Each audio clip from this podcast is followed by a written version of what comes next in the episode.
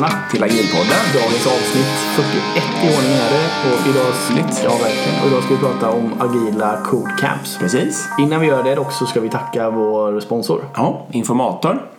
Gå in på agilpodden.se eh, och klicka vidare till informator. Hittar ni hela deras kursutbud.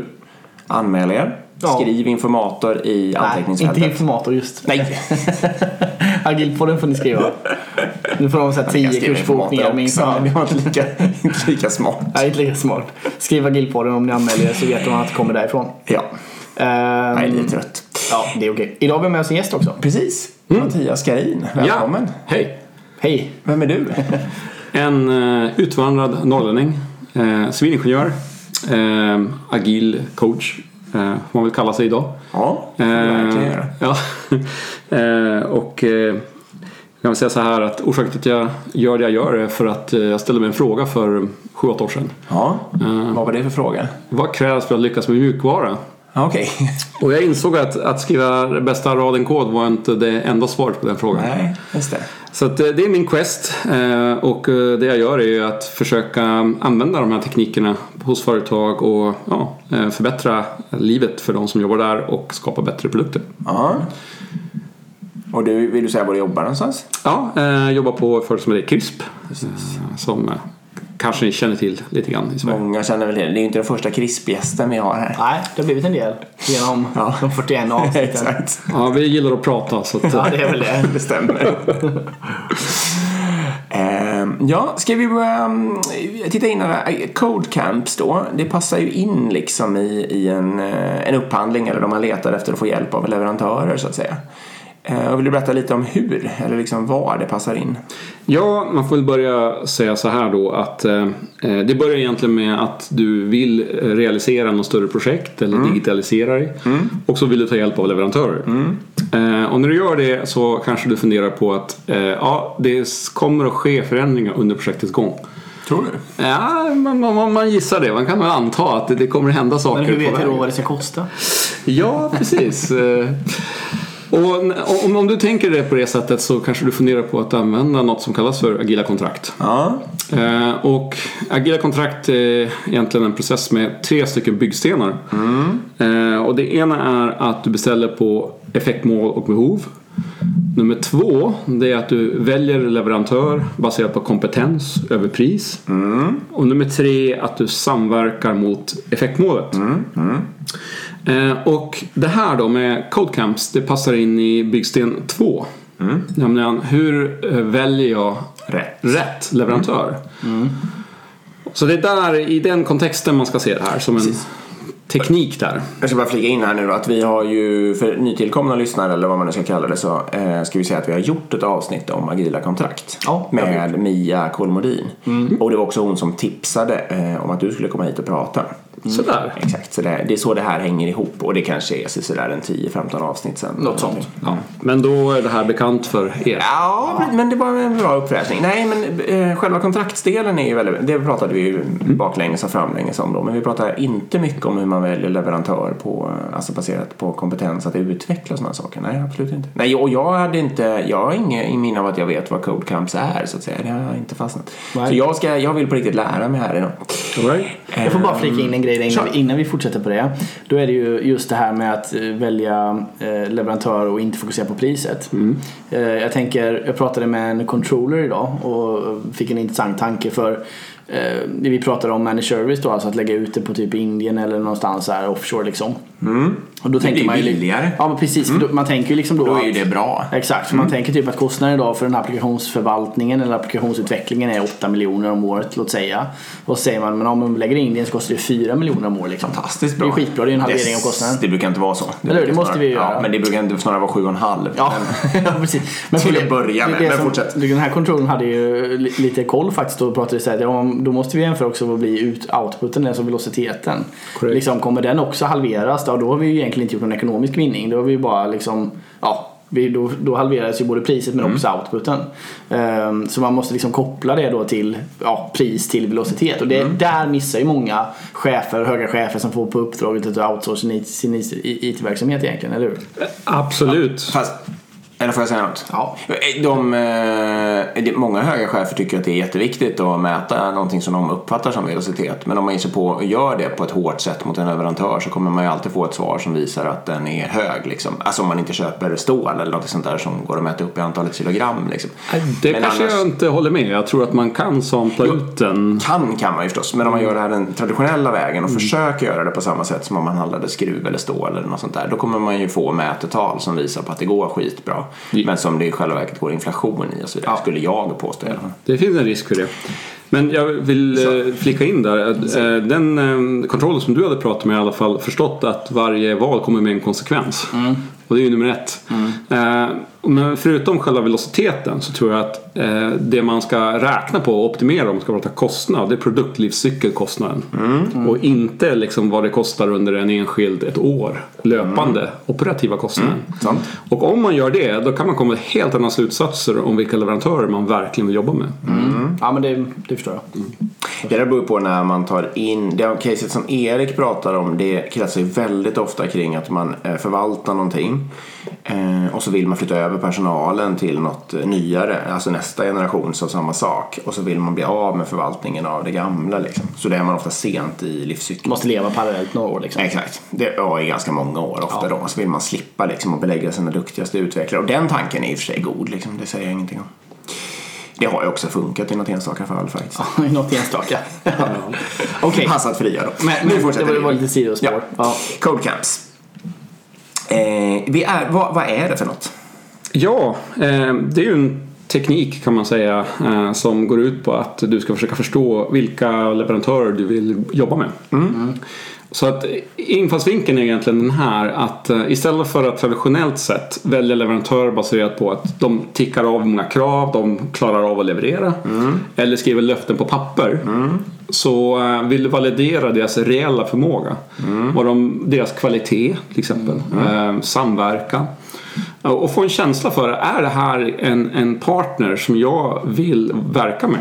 Och då är det här en teknik som används. Det är ju inte den enda tekniken. Det bör närmast då att en annan, ett annat sätt att göra det på, förutom CodeCamps, kan vara att bygga en prototyp Alltså ge ett litet prototypuppdrag till kunden, eller leverantören, eh, under kanske tre veckor. Och så får de på sin egen kammare bygga ihop någonting och demonstrera för dig. Som en alternativ väg. Men om vi går in och pratar om Code Camps så är det ganska enkelt. Eh, Du tar din backlog som kund. Ja. eh, Plockar ut en liten bit av den. Och sen så ber du lever- Backlog på det för den aktuella grejen som jag på riktigt tänker upphandla. Ja, alltså inom det område som du, du, du vill skapa någon form av eh, projekt för. Ja. Sen ber du leverantören komma med ett team. Och under en dag, Ja. eller någonstans mellan en halv till en dag brukar man ta, eh, så bygger man någonting ihop. Ja. Kan man säga. Och eh, i slutet på dagen så då utvärderar du egentligen eh, ett antal olika faktorer på vad du har fått. Ja. Och- Så det är ju ett sätt att validera vad de verkligen klarar av ja. På en halv då. på en halv dag. Mm. Och varför är det här viktigt då? Jo, men om vi antar nu att det kommer att komma krav eller önskemål eller förändringar under resans gång. Ja. Så är det ju leverantörens förmåga att gå från den idén till att verkligen omvandla det till någonting riktigt och körbart. Ja. Som du köper. Ja. Så varför inte prova den? Ja. Det är så här, vi kan ju bara backa lite till hur traditionell sån här ehm, liksom upphandling sker. Ja. Bara för att förstå liksom hur, var, var, varför det är ett problem kanske också. Och då, min erfarenhet i alla fall är liksom då att okej, då köper man att vi ska ha feature A, B och C. Vi förenkla lite. Och det ska ni utveckla här nu liksom. Och de är ganska fördefinierade och sen ska det komma tillbaka då en tidpunkt liksom. Att när, gör, när levererar ni alla de här A, B och C eh, som bygger upp min funktionen då liksom. Eller programmet eh, eller projektet eller vad vi nu säger. Och sen också såklart vad kommer det kosta på kronan liksom. Och sen kanske det finns något special eh, tjofräs i avtalet som säger att ja, tillkommer det något så får ni ta det på rullande fakturering någonting liksom. Och blir ni försenade då får ni betala böter kan det Ja, vara. till och med något sånt ja. Typiskt ja. ja. Och kvalitet kanske man bara säger det måste vara högt. Ja, det, det, högt eller ospecificerat till och Ja, med. exakt. tillräckligt Högt bra eller något sånt där. Ja, exakt. Ja. Och sen så är det ju så att i, i, i verkligheten sen då så bygger, börjar man bygga A och sen börjar man bygga B och så bygger man helt plötsligt B1, B2, B3, B4 för det, kunden vill det liksom. Man vill fortsätta på att bygga på den här B. Och sen är man klar och så är C inte byggt och då får man ju just då skit för att du levererar ju inte C. Kanske, ja. Fast B liksom har ex- expanderat något otroligt. Eller så- också vägrar de fortsätta jobba på B, vilket är ett problem i sig. Ja, precis. Eller också struntar man i eh, testningen därför att det, därför att det blir Ja, det för ont om tid för att slippa betala böter. Eller så vägrar kunden prioritera. Ja, Eh, vilket gör att leverantören då sitter med risken i sin rygg och troligtvis tar några shortcuts för att hinna med det kunden verkligen vill. Så det finns många kortsiktiga beteenden som det här driver som man vill bli av med. Precis, exakt. Där sa du ju något väldigt, för det är egentligen det som det hela det här handlar om är ju att eh, mänsk, alltså beteendena människorna emellan här, eh, man driver ju fram fel beteenden med Korrekt, klassisk ja. upphandling. Det, är Ja. liksom det, det, det, det går tvärs emot de mänskliga drivkrafterna på något sätt. Så det blir osmart alltihopa liksom. Ja, väldigt kortsiktigt, låg kvalitet. Mm. Ja, det, Men det är för att man vill köpa bort risken också som beställarorganisation, eller hur? ja och, och den villfarelse man gör är ju att jag kan köpa bort risken. Exakt. Men risken kommer ju när du ska realisera det här. Ja. Precis, men det är väl där. Okej, så och då, då finns det smartare sätt att göra det här på helt enkelt. Och det är det här vi pratar om code camps då. Ja, det är ju ett sätt att straffa dig för den, den, det läget att du kanske, du vet en del av det som behövs. Men du räknar med att du kommer att komma upp nyheter som du inte visste om. Eh, Och då vill du förbereda dig för att få den här förmågan. Vad får de veta innan de kommer liksom? Ja, traditionellt sett eh, så får de veta ehm, vilket effektmål Ja. det är som kunden vill ha med sitt projekt. Ja. De får veta mm, eh, hur många team, eller grovt sett hur många människor Vad man tänker sig att det är för resursmängd liksom. Ja, som de förväntas ställa, ställa upp med. Mm. Och eh, de får eh, oftast veta om vilken teknikstack Mm. eller om valet av teknikstacket är helt öppet Okej. innan. Då får de veta det istället. Liksom. Ja. Mm. Ja, men det är ju rimligt. Så då säger man så här liksom att ja, men vi tänker öka vår försäljning av sushi liksom en faktor 10 genom att introducera en app där man med några få klickningar kan beställa eh, sin sushi så att den kommer fram till dörren. Kan vara så. Det är ett väldigt, väldigt enkelt case kanske. Då. Ja, men det här är vårt klass. Det här är det exemplet som alltid vi Okej, ni kör, säljer mycket sushi. Ja, vi kör resurser. Nej, det får inte får vara svårare om du vill. Men det är bara för så här. Och så säger man, och det tänker vi oss att man ska fixa med ett eh, utvecklingsteam i eh, två kvartal. Liksom. Ja, eller man, man behöver egentligen inte avslöja i det här läget eh, vad man tror att eh, de här ramarna för projektet är. Ah, okej. Men man kanske säger att vi, vi behöver vet att vi behöver minst ett team med, med ungefär så här många människor. Eh, och det teamet vill man då att leverantören visar, kommer med. eh, Till den här då, Codecamp-dagen. Och eh, en, en regel då som är viktig att komma ihåg är ju då att eh, förutsättningen måste vara det att det är samma team som kommer som ska göra det verkliga projektet sen. Det kanske är en liten självklar sak men det är viktigt att verkligen inte. För det är också en sån här klassisk upphandling håller ju på ett halvår och sådär. eh? Ja, men inte längre. Nej, men det vara, längre. eh, Ja, precis. Och det fattar jag ju direkt att det här blir ju praktiskt. Hur lång vad är det för ledtid? För från den här Codecamp-dagen tills man till projektstart. Vad är, pratar vi om för tider där? Ja, nu beror det ju på då om Förstås. jag kanske har en privat upphandling eller en Ja. publik upphandling Ja. ett LOU eller- och storlek då.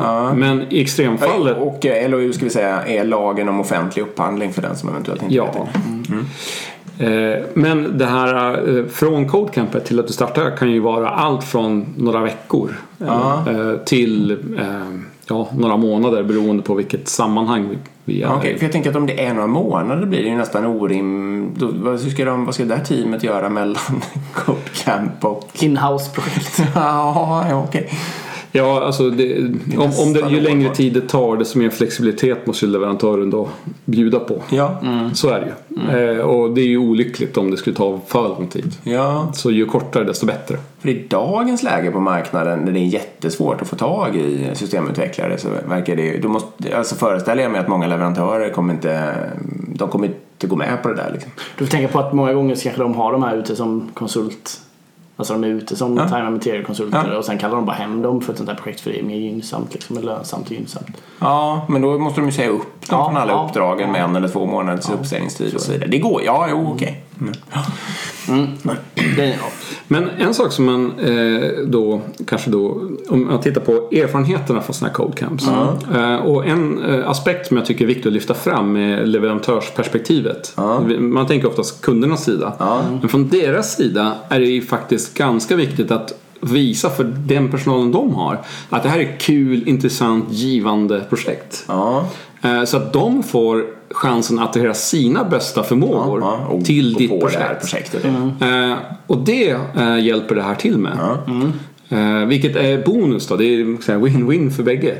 Eh, men det ska inte ignoreras för att eh, eh, den motivation som deltagarna har är självklart en väldigt viktig aspekt i Förstås. slutresultatet. Då. Absolut.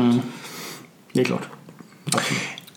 Ja, Men ska vi titta på. lite mer på hur det går till då? Precis. Ja, eh, så att du som kund eh, kan tänka sig att du ställer upp med en, en produktägare Ehm, och du kanske har någon verksamhetskunnig person. Och sen så har du eh, oftast då kanske också någon lite mer IT-kunnig person eh, där.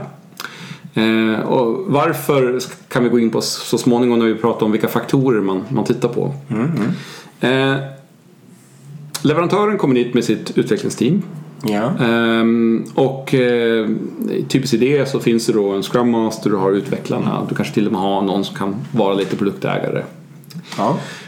Och eh, så, teamet vet oftast inte så mycket mer än det vi har pratat om. Effektmålet, eh, hur många de ska vara, var de ska vara. Eh, och dagen går till så att man börjar med att eh, gå igenom då med det här teamet produktbackloggen. Eh, och den är oftast eh, grovt prioriterad av kunden. Eh, och sen så får man en tidsram. Vi ska vara klara, det ska ha skett en demonstration innan klockan fyra. Det var liksom en slags sluttid. Och sen så ehm, ja, låter man det här teamet jobba på. Eh, och eh, i slutet på dagen och då önskar man ju såklart att få en demonstration. Alltså, Då måste man demonstrera något verkligt körbart. Ja. Eh, och sen så utvärderar man, förutom då just att man fått något körbart, ett antal andra faktorer. Typiskt då. ja. Eh, Vilka är det? Ja, eh, det är till exempel eh, vad ska vi kalla det? yrkesmässighet, yrkesskicklighet. Aha. Alltså kvaliteten i det som görs. Ja. I utvecklingsfall kanske du tittar på koden och tittar på att den är skriven med eh, omsorg. Ja. Eh, det är ju då att man fick någonting levererat, en jätteviktig faktor. Så att man inte stod där klockan fyra och inte hade någonting. Nej, precis. Eh, Vilket oftast tyder på att man är en, bättre, en ganska god, eh, man har en god eh, ledningsförmåga under dagen. Att man, står, man, man har tänkt till hur man gör det. Eh, Man utvärderar också samverkan. Alltså hur, hur funkar det att jobba med de här människorna? Ja. Ehm, och eh, var de problemlösande Ja. i sin approach? Ehm, och kanske också i slutändan så kan, kan man också utvärdera ehm, proaktivitet. Alltså förutom att de gjorde det vi sa, tog de egna initiativ. Ja. Alltså gav de, lite, hade man, gav de egna förslag. Ja. Så förutom det vi kom med. Det är några vanliga faktorer. Vet de om de här faktorerna innan? Eh, oftast ja. Oftast ja. Eh, varför är för att om du gör en offentlig upphandling Ja, då ja, måste du ha varit transparent med de här innan. För det ska vara lika för alla. Det. Eh, och jag tycker väl att det är fair play att berätta om dem innan. Ja, för jag tänkte så här, förekommer det liksom att eh, människor då blir lite stressade för att de vet att proaktivitet är en, eh, en av utvärderingsfaktorerna så sitter de och försöker, alltså vad ska man säga, Men till slut kan man ju liksom Ja. panika folk så att de inte, så att de, de, vad ska man säga, de blir så stressade så kreativiteten sjunker för att de sitter och försöker förekomma, brukar det kunna bli så? Nej. Nej, jag, jag skulle vilja säga så här att eh, normalt sett så Även om du ska formellt gå igenom de här punkterna, du har liksom valt ut hur du ska utvärdera alla de här på förhand. Så eh, du vet oftast inom loppet av två, två till tre timmar vilken leverantör du vill jobba med. Ja. Alltså, även om faktorerna då ska eh, korrekt gås igenom. Ja. Så, så pass snabbt får man också en känsla för att det här, de här vill jag verka, jobba med. Ja.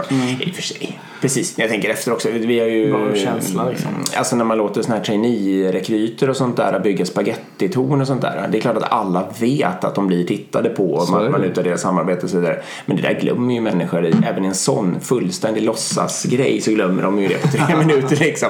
Så att om man sitter så här och försöker skapa kod så beter man sig nog väldigt mycket i sitt verkliga jag liksom. Men, Ja, men däremot så kan man ju säga att det finns andra saker som, som kan hända. ehm, som är lite...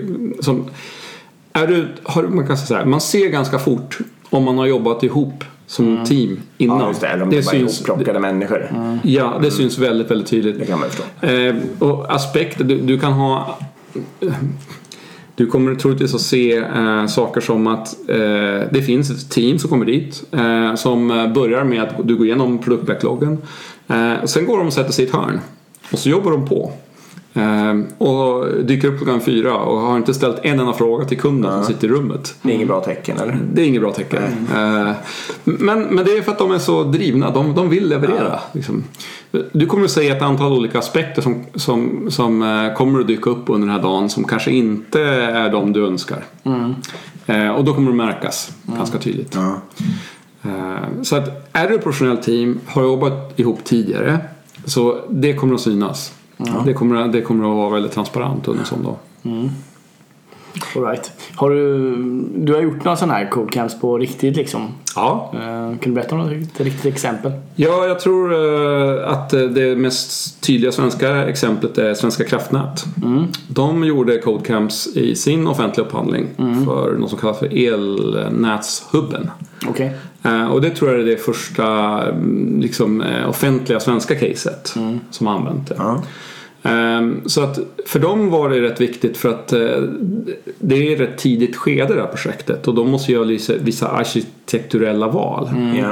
Så vilken kunskap som de här leverantörerna kom med och deras förmåga att, att jobba ihop var en ganska viktig faktor för dem. Så de använde Codecamps eh, för att eh, liksom då hitta vilka partners de vill jobba vidare med i sina agila projekt. Och det var då en, är det här, är, nu ska vi se, Svenska kraftnät, är det en myndighet? Nej. Det är en myndighet. Ja, så det var eh, offentlig upphandling? Ja, Hur många var det som kastade in, eh, som ville vara med där liksom? Oj, eh, jag, jag kan inte säga att jag har... ehm, Ja, alltså jag har nog inte... Tre eller tio eller Ja, femtio mellan liksom? tre Jag ska tro... Det var en selekteringsprocess innan, ska, ska sägas. eh, Där eh, du fick visa referenser och det fanns lite andra faktorer som... Men om jag kommer ihåg rätt, och tar det med en nypa salt, så var det cirka mellan tre till fem leverantörer som deltog i den här I Codecamps. Codecamp, okej. Ja, Så, men då kanske det varit tio innan liksom. Ja. Där ett antal hade gått bort. det är nog Okej. rätt rimligt. Så Fem som var med, all right. Mm. Så det är det mest kända svenska caset. Då. Eh, ja. Ja, då kör man alltså då, det är tre till fem dagar som man eh, repeterar. Ja. säga. Och det är samma team som utvärderar. Så den organisationen måste liksom orka med att göra det här då. ja, Så, dag efter dag i samma vecka, eller hur gör man rent praktiskt liksom? Rent praktiskt så ja, det finns lite olika varianter då. Men det vanligaste är att man tar en leverantör på en dag. Ja, ja det, precis. Det För då, då har du både setupen eh, men också då hinner du som team skriva ihop utvärderingen ja. på samma dag. Och så gör du det fokuserat under en vecka. Liksom, pang, pang, Ja, det är så ja. Precis. Så då har man verkat av till exempel 3 till 5 då under en vecka så vet man. Ja, mm, Ja. det här är bra. Men det finns extremfall. Ja. Eh, jag tror det största caset jag känner till är något som kallas för DHS Challenge i USA. Och det var de 111 t- leverantörsteam som utvärderas shit. under två veckor. Oj, men då kan ju inte samma team ha utvärderat allihopa, eller jo? Eh, det tror jag blev svårt. Ja, det Men måste- de, de här de fick en kortare tid på sig. De här leverantörerna också. Men det är väl kanske det mest extremfallet. Det största antalet leverantörer som vi har gått igenom en sån här process. Var kommer det här ifrån? Vem har hittat på codecamp? Ah, Jag tror att det här kommer ganska mycket från den agila världen. Ehm, och och ehm, det första gången, första caset jag hörde om det var faktiskt från Danmark. Okej. Som hade använt det här. Eh, Danska Arbetsförmedlingen hade brukat det här för att eh, välja då en agil, de ville ha en agil leverantör. Och det här såg de som ett sätt, sånt sätt. Ja. Precis, min farhåga innan lite när vi satt och pratade och planerade avsnittet så var det liksom att om jag skulle köpa en leverantör, alltså en, en, en tjänst från en leverantör idag. Så känns det bara att jag skulle sätta mina agila krav på det så känns det som 95% skulle falla bort och det bara skulle finnas två att välja på i princip. Ja, det, Som du, ska liksom leverera iterativt och komma med en scrum och så bara ha den setupen liksom. Finns det leverantörer? Det är lite det du undrar liksom. Ja, precis. På svenska marknaden Ja. egentligen undrar. Men det, ja. kanske, det kanske det finns då. ja, det glädjande svar på det är ja. Ja, det är ju kul i och för sig. Eh, det, jag skulle säga att det, det finns ett gäng leverantörer som faktiskt drömmer om att få visa sina framfötter. Som känner att de får inte chansen i den Ah, internationella okej. upphandlingen. Små eller stora? företag? Eh, medelstora, alltså, ska jag vilja säga. Några hundra anställda. Ja, eh, och så att ja, det finns då. Men det kanske inte är sådana som Ja, de, de, man, de faller ut i de, i de traditionella processerna. Ja, okej. Så att de kanske inte heller vill ha, sitta i de traditionella processerna. Nej, de, de väljer nog bort en del av de här. Ja, det kan jag tänka mig. Eh. Alltså, men det är ju inte kul för utvecklare att sitta hos en kund som kör klassisk projektledning och kräver alltså... Nej, stämningen är ju sällan på topp. Nej, exakt. Så att säga. Eh, Och det är ju en bonus för de här också för att de vill ju ta in roliga projekt Ja. Mm. till sin personal. För att visa, hej, här är en, här är en utmaning med höjd. Hjälp oss ordna den. Så att de, de vill ju. eh, Men ju- alltså, jag blir ju jättenyfiken. Om man tar, ja det är kraftnätsexemplet, vi kanske inte ens är klara med det. Men om man, eh, var det även stora drakar där? Alltså de här vanliga IT-konsultfirmorna med tusentals anställda, var de med där? ehm, Var de med bland de tio? Det var de förstås. Eh, ja, nu vet inte om jag ska svara i deras fall då, men, men det, var- de absolut största, eh, de föll nog bort i ett tidigare skede. Ja, precis. Det var det jag här började misstänka när jag hörde mig själv fråga. Mm. Eh, Känns det som- och, och vad var det, du kan ju bara nämna vad det var för karaktäristik på företaget som vann? Liksom. Eh, Företaget. ja, eh, eh, de, jag kan ju säga det var flera duktiga företag som var kvar väldigt sent i processen som Ja. baserade Code Camps väldigt, väldigt väl. Eh, och karaktär, karaktär, karaktärerna på de här var ju ett medelstort företag, eh, eh, agil, eh, ja ska vi säga, eh, har jobbat agilt ganska länge. Eh, och eh, Men ändå konsultfirmor. Kon- Ja, i det här fallet så var det konsultfirmor. Men jag, men eh, jag ska inte svära att jag, jag känner inte till så mycket Nej. om deras interna förhållanden. Så, så att om, jag gissar att de driver projekt. Ja. Alltså internt på firmorna. Vet du om de har, var det befintliga team de mm, presenterade också? Alltså sådana som hade jobbat som team innan då? Ja, det Alltså, vågar jag inte svara på. Jag, jag, jag skulle säga att oddsen att lyckas är betydligt större om du har Förstås, precis. det. Men jag, jag ska inte prata deras ställe.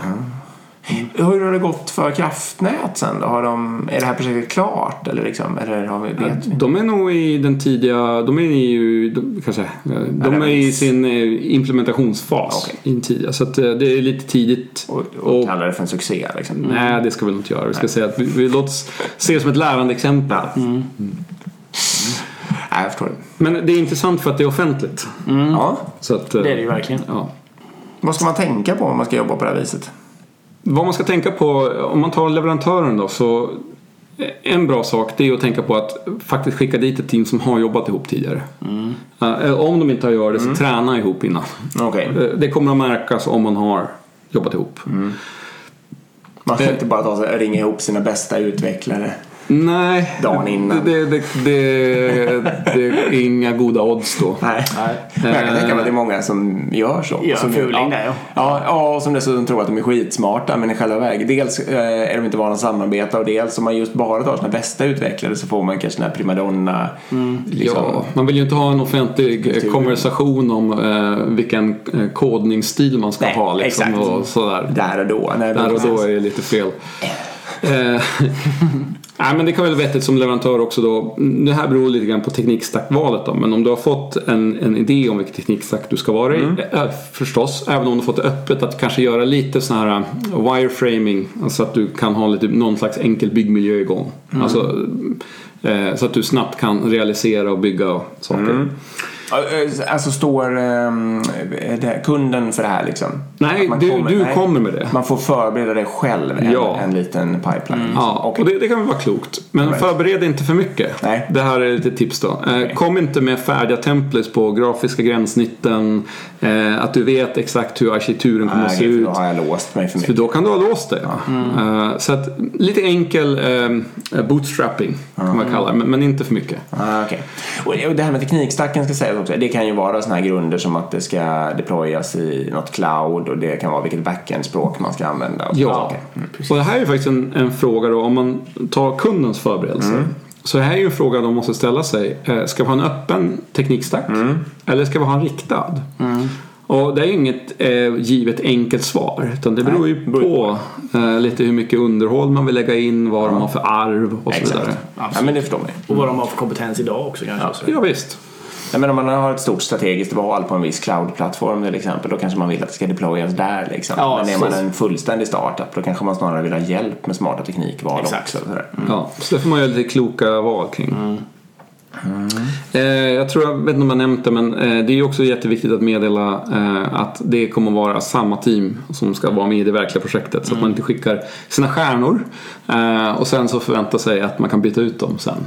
Eh, för i agila kontrakt så får du inte byta ut din personal utan kundens godtyckliga erkännande. Mm, uttryckligen. Ja, uttryckliga. Så det där ska man vara tydlig med. eh, Ja, precis. Så att om det händer personliga saker, då får man helt enkelt ha en dialog kring det. Alltså om någon blir sjuk eller säger upp sig eller något sånt där. Ja, alltså det du kommer vill komma åt är ju att företag systematiskt Ja. missutnyttjar eh, det här. Och om du, person, du kan ju inte personligen hindra någon från att bli sjuk eller Nej, vabba. exakt. liksom. det, det, är inte det syftet ligger på. Men, men precis. Men jag kan nämna en sak som lite grann tar erfarenheten av det här. Som man jämför med, med andra processer. Och om man då tittar från leverantörernas sida eh, så brukar de gilla det här. Eh, och det finns väl två saker. Det ena är att det, det är bara roligare. Eh, men den andra aspekten är att det går oftast mycket fortare. Alltså hela upphandlingsprocessen. Från, från det att du får din, din eh, request for proposal till att du är igång. Det är oftast mycket kortare. Okej, det är kortare ledtid. Ja, det är mycket kortare ledtid.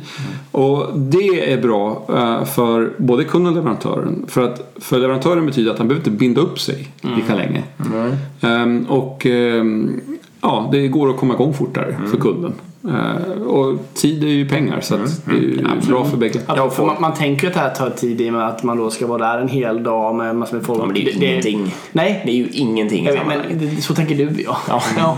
Men tänk dig alla personer som börjar summera ihop de här timmarna och börjar se någon kostnad på det här och så vidare. Eh, om man är traditionell då. Men jag tänker ändå att man tänker, alltså det kan ju låta som att det tar tid liksom. Mm. Men, men man får inte glömma att en vanlig upphandling tar extremt lång tid. Och, Ja, istället. det tar mycket längre tid. Ja, Extremt låg flödeseffektivitet. exakt. Eh, Jag blir direkt nyfiken så Massor med här. ledtider i sig då såklart. Har man liksom och den här förprocessen när man sållar, har, har man varit tvungen att sitta och lyssna på powerpoint från säljarna liksom på de här eh, leverantörerna? Du menar i försteget då, liksom innan? Eh, Eller kan man gå rakt på det här? Det beror ju förstås lite på hur många förslag man får in fattar jag. Men ja, ja, det beror ju på storleken på det du ska göra skulle jag vilja säga. också, ja. Mm, Det kan väl vara en klok sak att kanske validera um, några enkla grejer som att du har en finansiellt stabil leverantör innan. ja, men det är mera internet som man sitter och... Ja, ja, men hur du gör det, det kan vi diskutera då. Eh, Det kan också vara kanske en klok sak att validera att ehm, eh, leverantören har någon agil erfarenhet sedan tidigare. Ja, hur gör man det? Ja, du kanske ehm, Referens- ber om Ja, referenscase till exempel. Och så. Annars får du göra ett eget quiz med om din egna kunskap. Ja, det är inte helt fel. Det är inte helt fel. ja. Att vara Erik. Ja, kan jag hyra in mig till det? Det, det, ska, jag, göra. det, det ska jag göra bra, det lovar jag. Ja. Det är jävla, jag, inte släppa, jag ska inte släppa igenom en enda person. Vi hade ju, när Erik och jag jobbat tillsammans för länge, länge sedan, det blev en utvikning här, ursäkta. Men eh, då hade vi ju, det var ju något, det var någon som, var folk som skulle väljas, alltså till helt andra delar av organisationen. Och då så, Ja, Scrum Masters var det. Ja, det var det kanske. Ja. Jag var allergisk mot ordet Scrum Masters. Exakt. Och, och, då, och det var ju lite i den brytpunkten också. Alltså det var tidigt i vår agila resa i alla fall och eh, vem som helst kunde liksom verka som att den kunde vara Scrum Master och det fanns ingen i organisationen som var kompetent att bedöma det här. Och då gick du in och bedömde det Ja. åt andra. Ja, det gjorde jag faktiskt. Var det någon som klarade det? Ja då. Men det var, det var många som inte gjorde det också. Nej, men det, då, det kom en projektledare som har jobbat som projektledare i liksom 40 exakt. år. Precis. Och sen bara, hej jag är Scrum Master. Ja. Okej, har du någonsin jobbat i Agile Team? Nej. Så bara, okej hur ska du göra det här då? Och så, ja, så kan ni förstå vad som kommer liksom. Förnedringsintervju på hög nivå. Ja, ja. Men de får skylla sig själva. ja lite. Nej, Jag ska nämna en sak som jag lärde mig i den här processen. Att eh, Man har ju kanske viss erfarenhet, man har en viss önskemål. Om, eh, som du säger, att man ska klara det ena och det andra.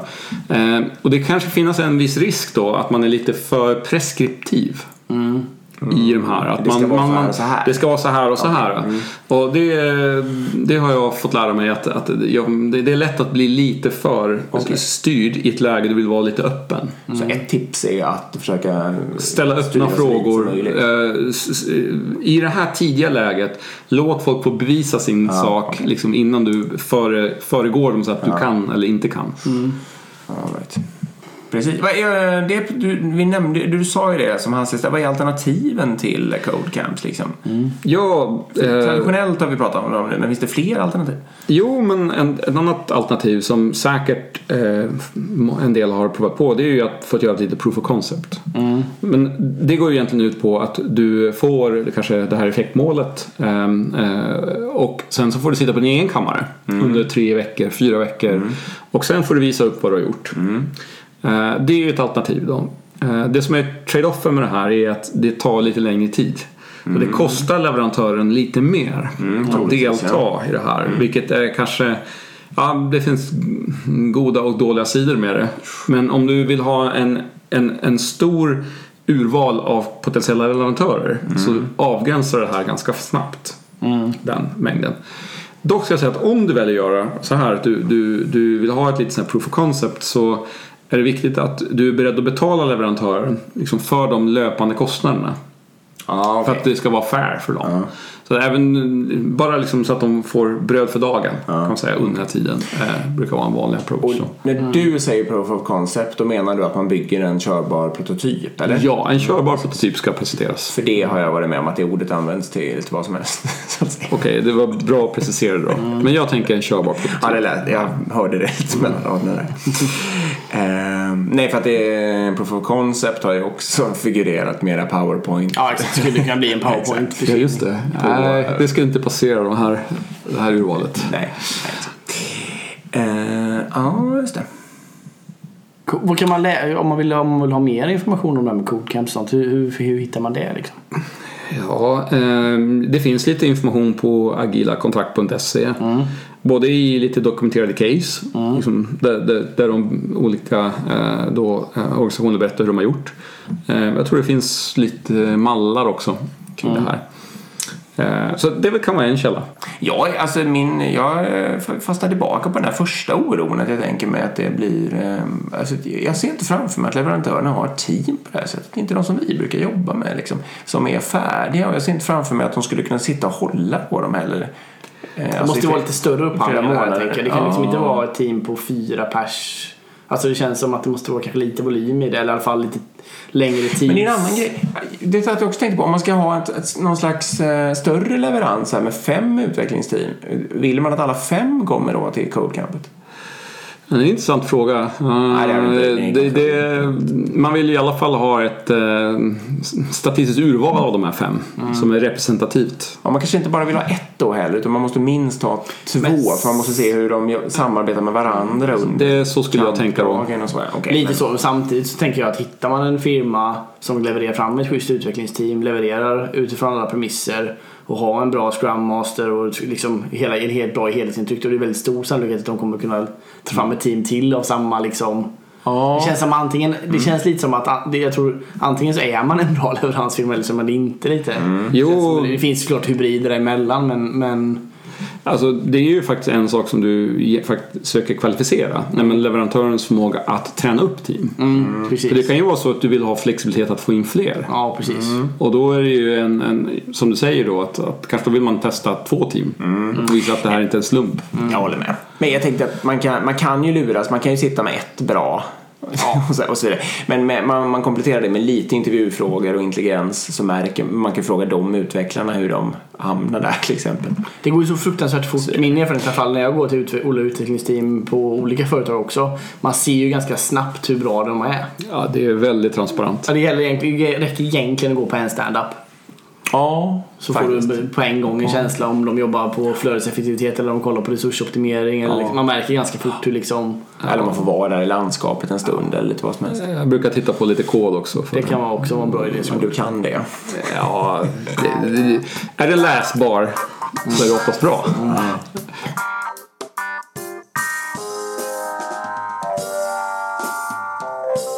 Vi, Kul. vi kan väl säga det egentligen att det kommer att vara en konferens också. Just. Kring agila kontrakt generellt, eller hur? Ja, faktum är den 18 oktober eh, så sker en, en Agila kontraktkonferens I eh, Stockholm? I Stockholm. Ehm, den är lite unik för att det kommer vara många case studies på den konferensen. Eh, både faktiskt med eh, Svenska kraftnät kommer. Ja, Okej, ja, kul. Ehm, och eh, de tar med sig sin leverantör också så att man får höra bägge perspektiven. Hur bägge sidorna upplevde det Om här. ni varit nyfikna nu på hur det där gick så ska ni andra ord gå dit och ta reda på vem den där leverantören är. Ja, Eh, exempel. ja, nej men eh, det, det kommer hit en... eh, Ja, jag nämnde kanske att eh, det fanns ett case med 111 teams utfördes. Han som gjorde det kommer till konferensen och berättar om det. Ja. Eh, det kommer en, en bank som berättar hur de har mm, jag ska, ska, eh, eh, slicat upp sin stora elefant. Hur de dödat sin legacy-drake i källaren. Eh, så att det kommer en del intressanta grejer. Eh, så eh, ja, dyk upp. Precis, anmäl Nu har du er glömt, det- nu har du glömt att nämna det är mest intressanta med den. Självklart! Exakt. Agilpodden kommer vara där och spela in också Ja. för första gången någonsin på en Vi konferens. kommer live-podda på den här konferensen är tanken. Så om ni vill eh, träffa oss helt enkelt så kan ni komma dit. Och man kan ju googla på Agila kontraktkonferens så hittar man det här. Ja, agilakontrakt.se. Så hittar Ganska man enkelt. in. Ja, precis. Ja, då ska vi tacka för oss helt enkelt. Verkligen. Vi finns på Instagram under Agilpodden. bra och vi har en e-mailadress också. Som jag sa förut, agilpodden at gmail.com. Exakt, och där kan ni då om ni vill ha föreläsningar till exempel, om ni vill sponsra podden, om ni bara vill ha feedback, ge oss feedback, vad som helst, förslag på ämnen, mejla oss så finns vi där. Precis. Eller skriv till oss på Instagram Precis. så ser ni oss där också. Jag sa det inte alls förut, det var ju webbadressen jag sa förut. Ja, Ja, på nattmössan. Eh, tusen tack för att du kom då. ja, precis. Tack till men eh, informator. ett nöje. Träffa er. Ja, verkligen. Tack till informatorn, tack till Mattias, tack till alla som lyssnar. Ja, tack. Tack. Hej.